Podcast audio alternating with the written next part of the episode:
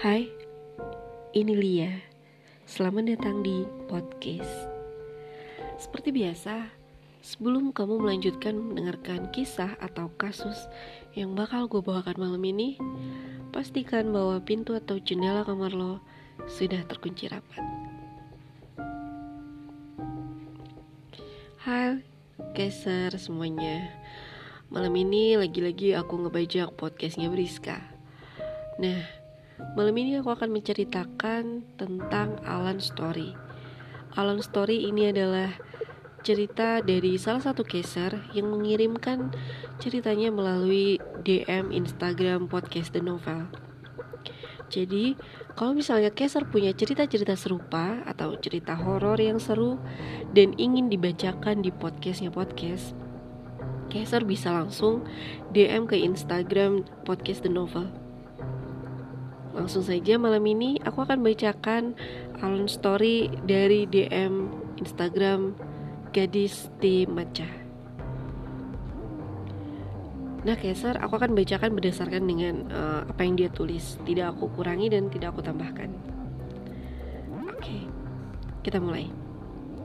Halo kalian, di sini aku menuliskan DM dengan tujuan cerita aku bisa dibacakan di podcastnya podcast dan dibacakan oleh Briska sayang banget tapi yang bacain Lia mudah-mudahan kamu gadis tidak kecewa. Uh, sebut saja aku gadis seorang mahasiswa yang mengagumi karya tulis kalian yang berjudul podcast. Terima kasih gadis. Kalau kalian berkenan mohon sampaikan ceritaku ini lewat podcastnya podcast. Ini adalah kisah nyata. Terjadi sekitar 4 tahun yang lalu di sekolah SMK ku Aku adalah siswi aktif yang gemar berorganisasi. Organisasi yang paling aku geluti saat itu adalah OSIS dan Pramuka. Tahun itu adalah tahun-tahun pertamaku di SMK. Aku baru saja bergabung dengan kepramukaan. Di sekolah kami, Pramuka adalah organisasi nomor satu yang paling digemari siswa karena kegiatannya yang banyak, unik, dan berkesan. Seperti traveling, hiking, uh, dan banyak kegiatan lainnya yang membuat anak-anak pecinta alam berbondong-bondong mendaftarkan diri ke organisasi itu. Hiking ya, ralat maaf tadi.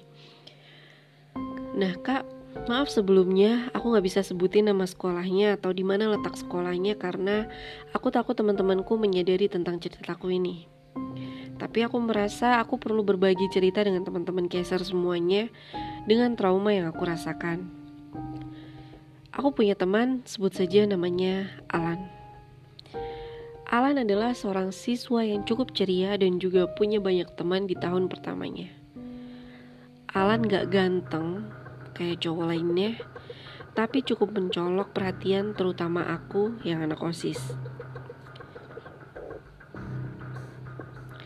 Jadi waktu itu, kami mengadakan perjusami besar-besaran di sekolah atas kerjasama OSIS Pramuka dan juga Palang Merah.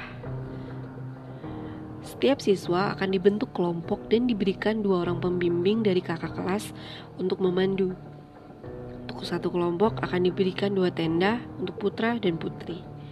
Waktu itu, aku gak sekelompok sama Alan, tapi ada sahabat Alan yang selalu pulang bersepeda bareng dengan dia yang sekelompok sama aku yang uh, kita sebut saja namanya Ardi.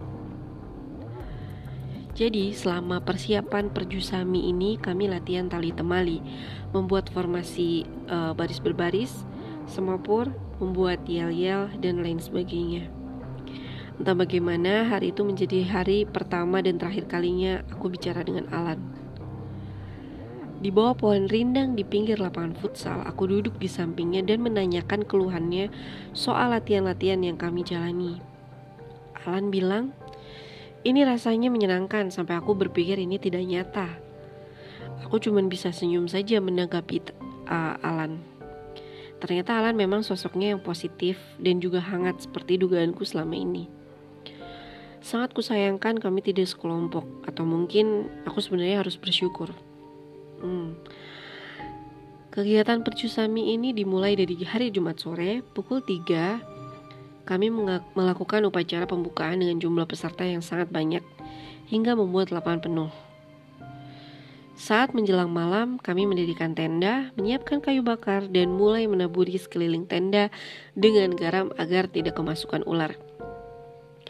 Aku benar-benar menjalani hari itu dengan menyenangkan, sangat senang, sampai aku tidak menyadari ada keganjilan-keganjilan yang terjadi.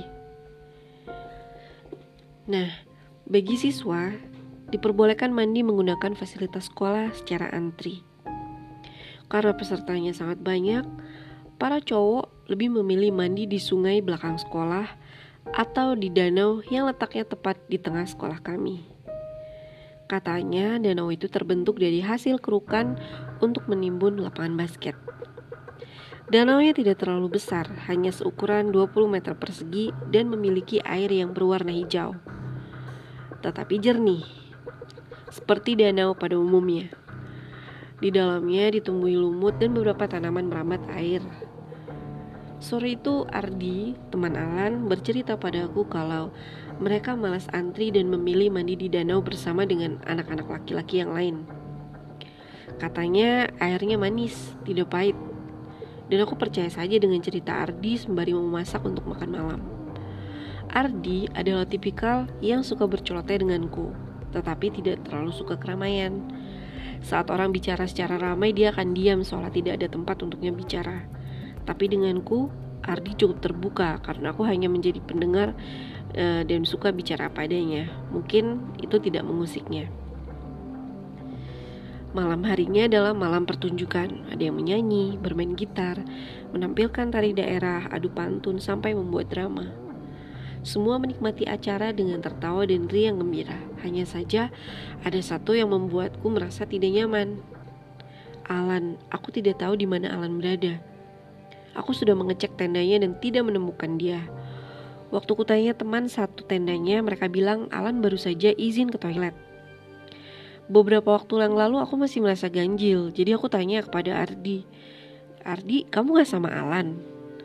Ardi mengangkat bahu. Dia bilang Alan sudah tidak bersamanya sejak sore.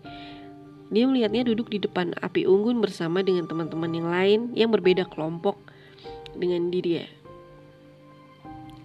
Malam itu rame banget, bukan cuma rame karena pertunjukan, tapi setelah pertunjukan juga rame karena ada kesurupan massal. Di tengah tidurku yang baru terlelap beberapa menit, aku kaget karena tenda sebelah heboh dengan suara tangisan dan juga jeritan. Suara mereka benar-benar berubah, bukan suara asli. Bahasa yang mereka gunakan juga bahasa yang tidak bisa kami mengerti. banyak yang membacakan surat Yasin agar teman-teman mendapatkan perlindungan dari Yang Maha Kuasa. Kejadian kesurupan massal itu baru reda jam 4 subuh.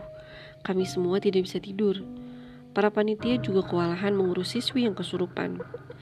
Saat pagi sudah tiba, aku memberanikan diri keluar tenda. Ternyata semua siswa yang kesurupan sudah dikumpulkan di tengah lapangan. Dan saat aku melihatnya, mereka semuanya jatuh pingsan. Benar-benar pemandangan yang mengerikan, dan aku bisa melihat manusia dengan jumlah yang banyak menggelepar di tengah lapangan saat itu. Karena hal itu, kegiatan perjusami dihentikan dan semuanya dipulangkan. Beberapa siswa pulang dengan kendaraan pribadinya, tapi karena aku gak bisa mengendarai kendaraan pribadi, aku diantar jemput sama ayahku. Selama aku menunggu di pos penjaga gerbang, aku melihat Andi, Ardi, celingkukan dengan sepedanya. Aku baru ingat kalau selama ini dia sering bersepeda bersama Alan. Mungkin dia sedang menunggu Alan.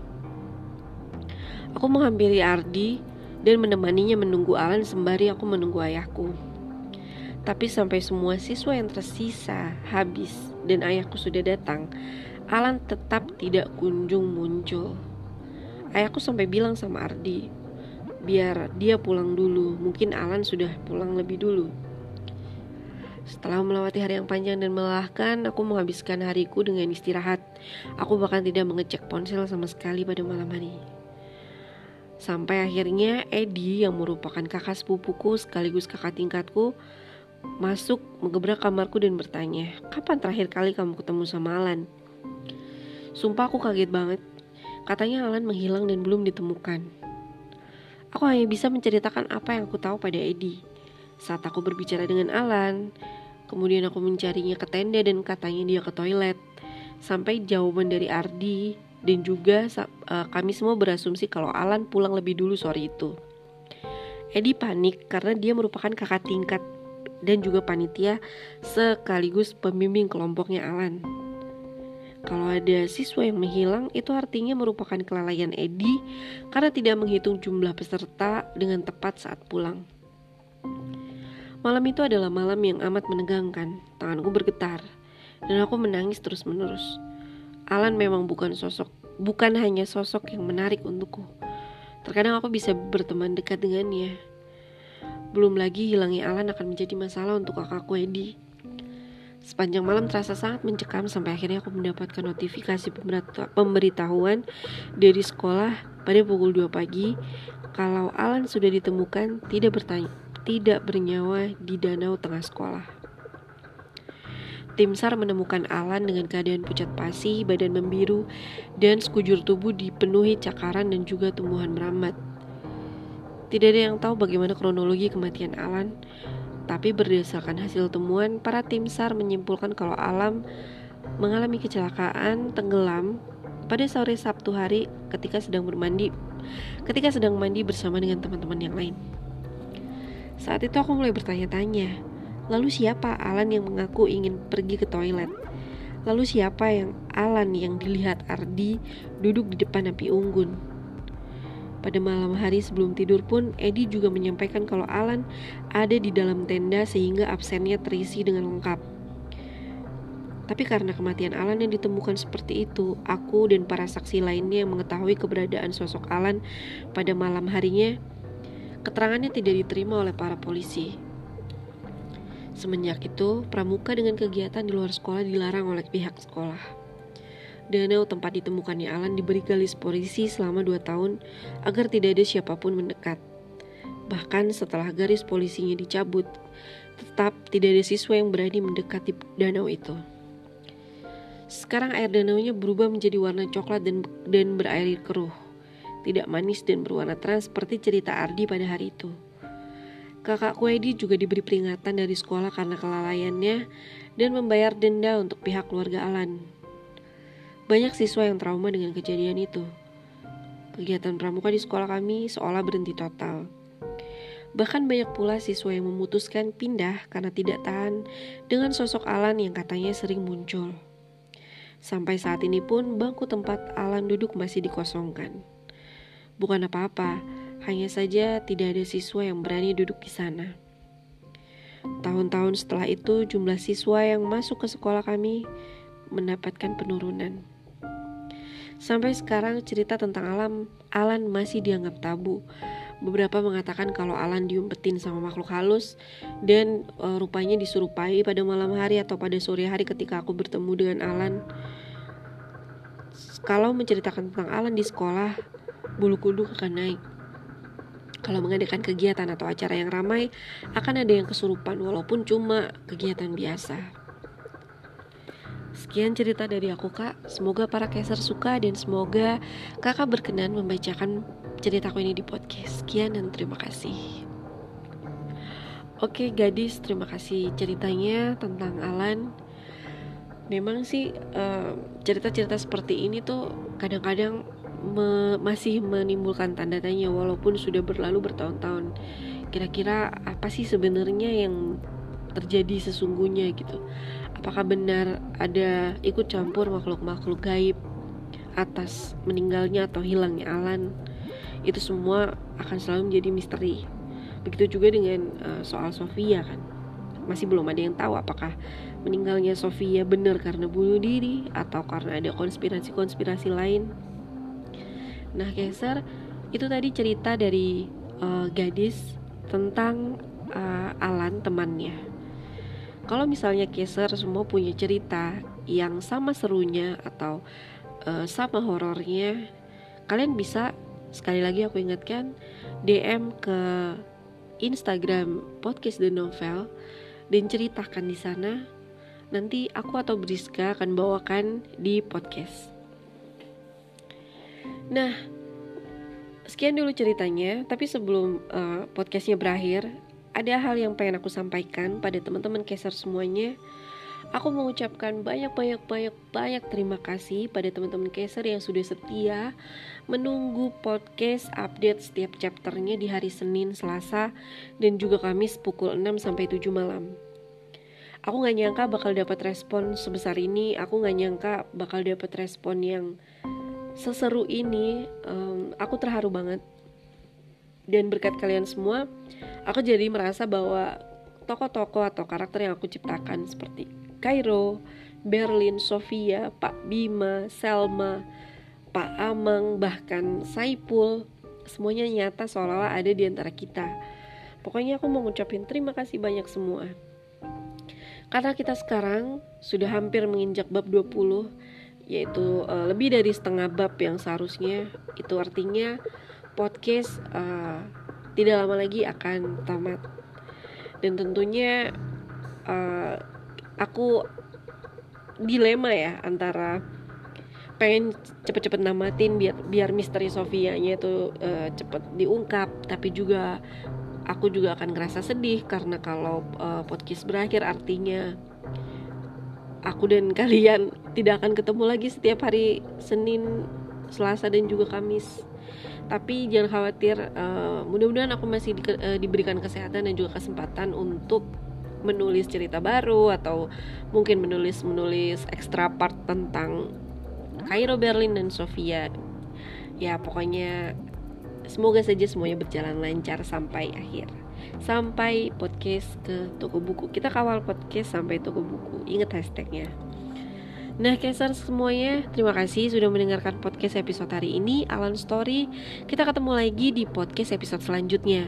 Aku minta maaf karena podcastnya tidak bisa tayang seminggu sekali seperti sebelumnya, tapi dua minggu sekali. Ini karena kesibukan dan juga banyak hal yang harus dipertimbangkan. Tapi aku pastikan, uh, meskipun nanti uh, podcast sudah tamat, podcastnya podcast akan terus berjalan uh, dengan menceritakan cerita-cerita seru pada kalian semuanya yang sudah setia mendengarkan podcast. Terima kasih teman-teman semuanya. Uh, kuliah pamit dan case closed. Sampai ketemu lagi episode selanjutnya.